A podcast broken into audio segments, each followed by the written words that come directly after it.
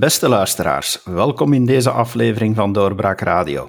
Ik ben David Geens, uw gastheer, en mijn gast is Pieter van Ostaaien, jihad-expert. Welkom, meneer van Ostaaien. Dank u wel, goedemiddag. Meneer Van Ostaaien, ja, we leven al een hele tijd met terreur. Uh, dit is geen nieuw fenomeen, maar het is de laatste dagen toegenomen met de aanslagen in Frankrijk en nu recent nog in Wenen. Uh, is dit nu iets wat, uh, wat te verwachten was dat dit weer de kop ging opsteken?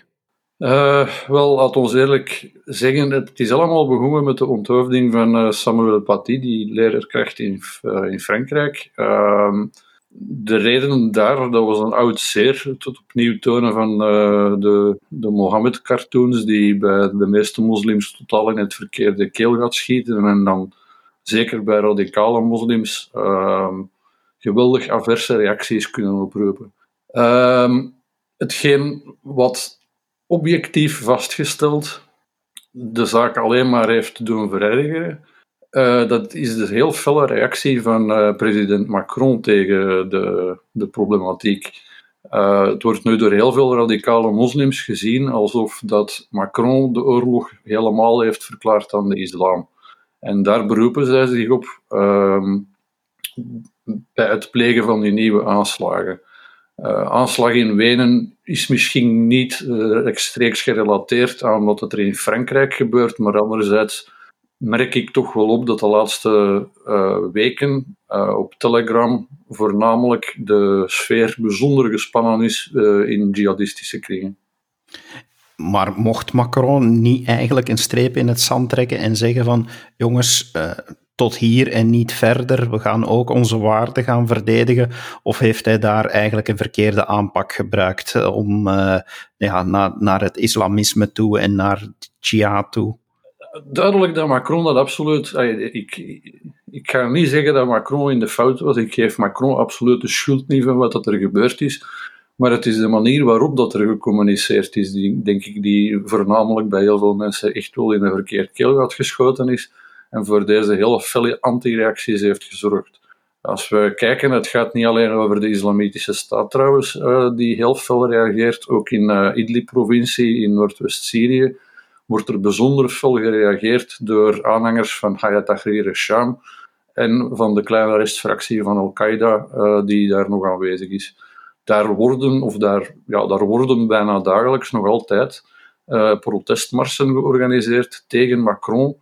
Uh, ik heb al verschillende scènes gezien, het verbranden van de, van de Franse vlag,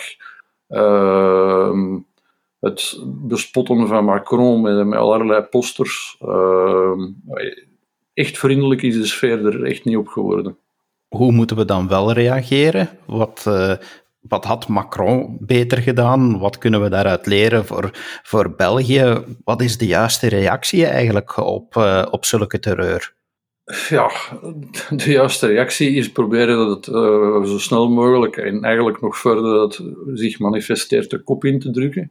Maar dat is niet altijd even makkelijk, want we weten zelf uit ervaring dat er heel veel mensen zijn die geïnspireerd worden door um, dergelijke groeperingen, uh, die dat er niet noodzakelijk rechtstreeks aan gerelateerd zijn, maar die wel uh, zich beroepen op de propaganda-ideologie van bijvoorbeeld de Islamitische Staat of Al-Qaeda.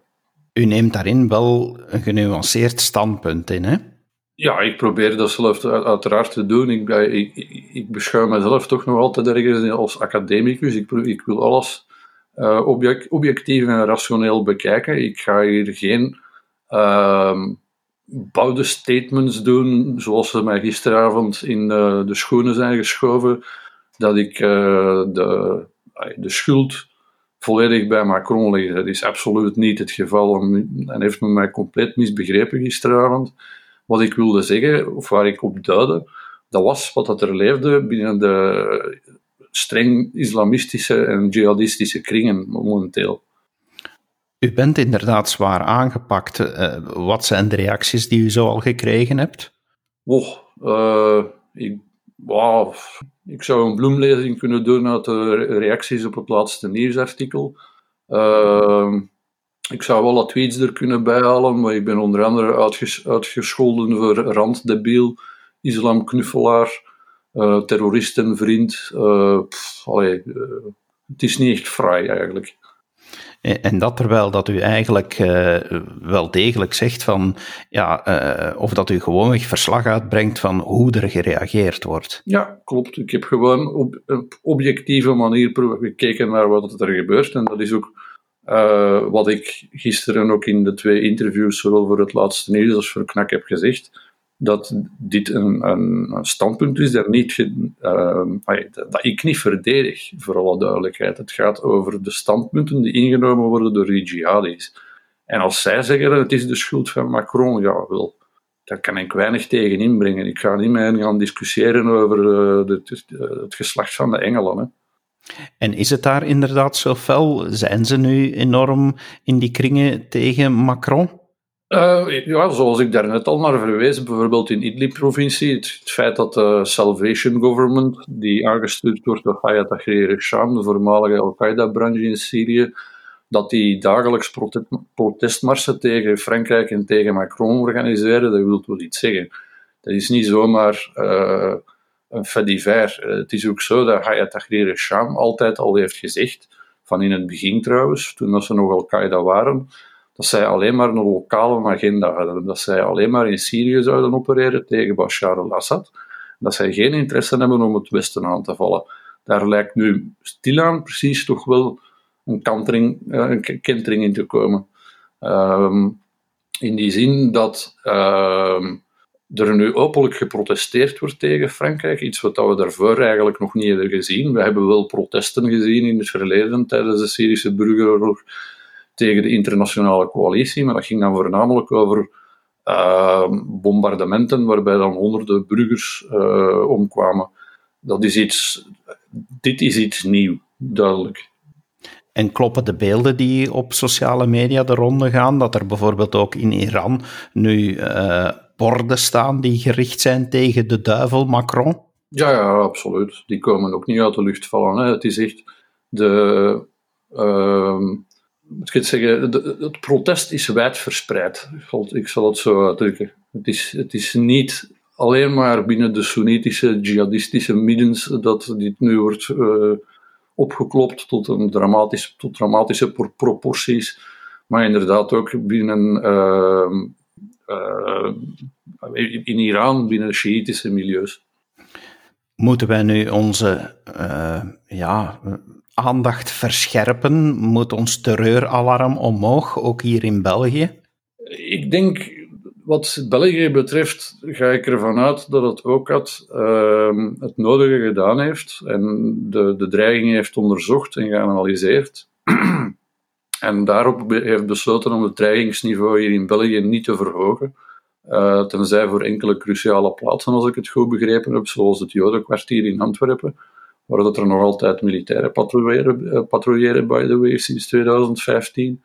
Ehm, ik ga ervan uit dat de kans bestaat dat er in België iets gebeurt, maar niet noodzakelijk. Het kan evengoed een, een aanval zijn, bij wijze van spreken, die nu wordt uitgevoerd in Kopenhagen of Stockholm of uh, Luxemburgstad of wat, wat dan ook. De terreuraanslagen die we nu net gezien hebben, zijn die georchestreerd in de zin van dat die gecoördineerd worden? Of uh, zijn dat uh, wat men die lone wolves noemt? Uh, daar gaan we weer met de lone wolves. in eerste instantie, ik gebruik niet graag de, de, de terminologie lone wolves en lone wolf attacks. Um, ik en collega's, wij hebben al jaren een model overgenomen van een voormalig CIA-agent, Clint Watts, um, die eigenlijk heeft gezegd, er zijn drie soorten aanvallen. We hebben um, orchestrated attacks, dus uh, aanvallen die uitgevoerd werden rechtstreeks op bevel van de organisatie, zoals Parijs en Brussel. Uh, we hebben uh, networked attacks, aanvallen die uitgevoerd worden door een figuur die rechtstreeks contact heeft met bepaalde elementen binnen de organisatie, maar niet noodzakelijk de top. En dan hebben we inspired attacks. Dat zijn aanvallen die uitgevoerd worden door mensen die zich laten inspireren door de propaganda en de ideologie van bijvoorbeeld de Islamitische Staat. Hetgeen wat eergisteren is gebeurd in Wenen, doet mij ten zeerste vermoeden dat het hier op zijn minst gaat over een networked attack. Aangezien dat de aanvaller in kwestie erin geslaagd is om uh, een, weliswaar een korte video, maar toch een video te kunnen doorsturen aan uh, de verantwoordelijke van de ISIS Media. Dat op zich al is een opmerkelijk feit. Uh, het is niet alsof dat de, de gegevens en de, de login-data van, van uh, ISIS Media zomaar vrijelijk beschikbaar zijn op internet. Daarvoor heeft men toch echt wel duidelijk uh, insight-informatie nodig. Um, een tweede reden waarom ik vermoed dat het meer kan zijn dan gewoon een inspired attack, uh, is omwille van het feit dat de man in kwestie erin geslaagd is zich zwaar te bewapenen, voor, voor eerst. Uh, duidelijk bijzonder efficiënt te werk ging, in, in zijn optiek dan. Uh, daar lijkt mij iets meer achter te zitten dan gewoon een twintigjarige die enige, een of andere wrok koestert tegenover het Westen. Uh, het lijkt mij om meer te gaan dan dat. Ik, de andere aanvallen die dat we tot nu, tot nu toe gezien hebben in Parijs, sinds een paar weken, daar durf ik gerust van zeggen dat dat inspired attacks zijn. Dus geen directe link met organisaties zoals uh, de Islamitische Staat of Al-Qaeda. Nu, er zijn mensen die, die zeggen dat we natuurlijk heel kwetsbaar blijven omwille van de open grenzen. Is het zo dat de meeste van die daders binnenkomen een paar jaar op voorhand en dat ze eigenlijk zo gepland worden om uh, in, binnen de Europese grenzen dan nadien terreuraanvallen uit te voeren? Dat is duidelijk al wel gebeurd, ja. Want uh, als we kijken bijvoorbeeld naar uh, eh, 2 november 2015, maart 2016, een aantal van die figuren die hebben uh, misbruik gemaakt van de vluchtelingenstroom die toen richting Europa onderweg was. En die hebben zich voorgedaan als vluchtelingen en die zijn zo Europa binnengeraakt. En door uh, de voordelen die het Schengen-verdrag biedt, het feit dat we open grenzen hebben binnen Europa, zijn die op een heel vlotte manier uiteindelijk van in Hongarije of Griekenland hier in België geraakt. Um, als we kijken naar de Tunesiër die uh, in de kathedraal van, uh, was het Nice, ehm, die mensen heeft aangevallen, die kerel die was ook meegekomen in de vluchtelingenstroom, maar die was hier nog maar zelfs net. Dus het was niet alsof dat die al heel lang op voorhand gerecruiteerd was om, om hier aanslagen te komen plegen. Vandaar dat ik ook zeg, aangezien dat de, de periode tussen zijn vertrek uit, uh, uit Tunesië en aankomst in Frankrijk was, was relatief kort. We kenden hem niet. Dus daar doet, doet mij vermoeden dat uh, het hier ging over een inspired attack, een, uh, geïnspireerd door de Islamitische Staat, maar niet noodzakelijk rechtstreeks in contact. Vindt u dat onze overheid genoeg middelen spendeert aan bijvoorbeeld de staatsveiligheid om dit allemaal op te volgen, om die personen in kaart te brengen en aanslagen te gaan vermijden? Um, nee, naar mijn mening eerlijk gezegd niet. Um, ik weet nog in de periode 2014-15, toen ISIS overal was op het internet, uh, maar letterlijk overal, ze gebruikten allerlei soorten social media applicaties van Twitter over Facebook tot Instagram, uh, zelfs LinkedIn heb ik ze zien gebruiken. Uh, de staatsveiligheid was altijd achter de feiten aan het aanhollen. En ook onze politiediensten bijvoorbeeld. Op een bepaald moment hadden wij hier in België uh, eh, 0,5 FTE binnen de federale politie die ehm, zich bezig hield met radicale propaganda op social media. Dus uiteindelijk had ik er waarschijnlijk een beter zicht op, op, op welke profielen dat er waren, uh, wat er daar allemaal verkondigd werd, uh, dan, dan onze politie- en veiligheidsdiensten. Wordt u door de overheid geconsulteerd om te helpen met uh, het in kaart brengen of uw mening, of wordt uw mening gevraagd om, omwille van de, de problematiek waar u gespecialiseerd in bent? Um, er zijn in het verleden enkele toenaderingen geweest. Uh, toen uh, Jan-Jan Bon nog minister van Veiligheid was, en, uh, dan ben ik wel eens een paar keren uitgenodigd geweest om te komen praten. Ja. Wel, als ik dan nu om uw mening mag vragen van iets wat mij eh, bezighoudt, is het feit dat de dader in Oostenrijk, dat die al gekend was, dat die al veroordeeld was, vervroegd vrijgekomen. Ja, is dat ook niet iets wat dat dreigt te gebeuren met Belgische gevangenen die de komende jaren misschien vrij gaan komen en uh, toch wel terug eh, heel makkelijk in, in een radicalisme gaan hervallen? Ja, absoluut. Dat is trouwens al gebeurd. Hè. We, is, we hebben daar al precedenten van. We hebben uh, een paar jaar geleden uh, is Jean-Louis Denis, de leider en inspirator van Resto du Tauchit in het Brusselse, veroordeeld voor de recrutering van een aantal jongeren uit het Vilvoortse. Ehm, hij heeft toen, ik geloof, een celstraf van vijf jaar of zoiets gekregen. Hij heeft daar een deel van uitgezeten. Is vorig jaar terug vrijgekomen. En hij had zelfs de, de, de gevangenisdeuren nog niet dicht gedaan, of hij begon altijd te, zeggen tegen de aanwezige journalisten dat hij radicaler was dan ooit. Uh, dus er gaan nog zo'n figuren zijn. Hè. Ik ga er echt niet van uit dat de, de meesten die gaan vrijkomen, dat die allemaal ineens modelburgers gaan worden. Echt niet. Ik ga ervan uit dat er daar toch nog altijd een, een aantal van zijn die uh, nog steeds geradicaliseerd zijn. Kunnen we dan wel processen opzetten om zulke mensen, terwijl ze in de gevangenis te zijn, te gaan deradicaliseren? Ik geloof persoonlijk bijna niet meer in deradicalisering. Ik heb al zoveel gezien in het laatste decennium dat ik denk dat het allee, bijna weggesmeten geld is. Hè. Er zijn programma's opgezet die naar mijn idee tot nog toe weinig of nauwelijks resultaten hebben opgeleverd. Uh, het probleem is dat wij natuurlijk, wij, zoals ik er straks al zei, wij hollen achter de feiten aan. Uh, de eerste keer was een aanslag die we gelukkig hebben kunnen voorkomen in februari 2015 in Verviers. Uh, daar zijn toen een aantal heel strenge maatregelen uit afgekondigd door het uh, kabinet Jan Bon en hetzelfde is dan gebeurd na de aanslagen in Parijs en na de aanslagen in Brussel. Dan werd er gesproken over heel repressieve en restrictieve maatregelen. Maar dan werd er bijvoorbeeld niet gekeken naar uh, lange termijn maatregelen. En lange termijn maatregelen bedoel ik dan het opkussen van Molenbeek, bij wijze van spreken, maar dan in letterlijke zin.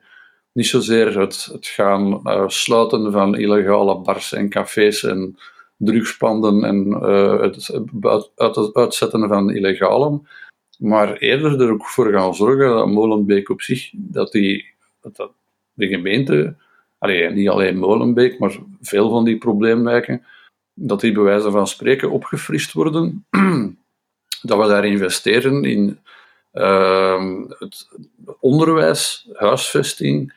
Uh, dat zijn een aantal zaken die cruciaal zijn. Ehm, heel veel van, van, de, van de Belgen, die, of, of allee, afkomstig uit België of vertrokken uit België, die zich hebben aangesloten bij de Islamitische Staat, hebben allemaal een, uh, een crimineel, uh, criminele achtergrond. Ehm, sommige lichte criminelen, sommige eerder allee, op het randje af van zware gangsters. Uh, de reden dat uh, de aanvallen in Parijs in november 2015 zo professioneel zijn kunnen uitgevoerd worden, dat was puur omwille van het feit dat de kern van het netwerk, geleid door Abdelhamid Abaoud, uh, nog altijd zijn criminele contacten had in, in Brussel.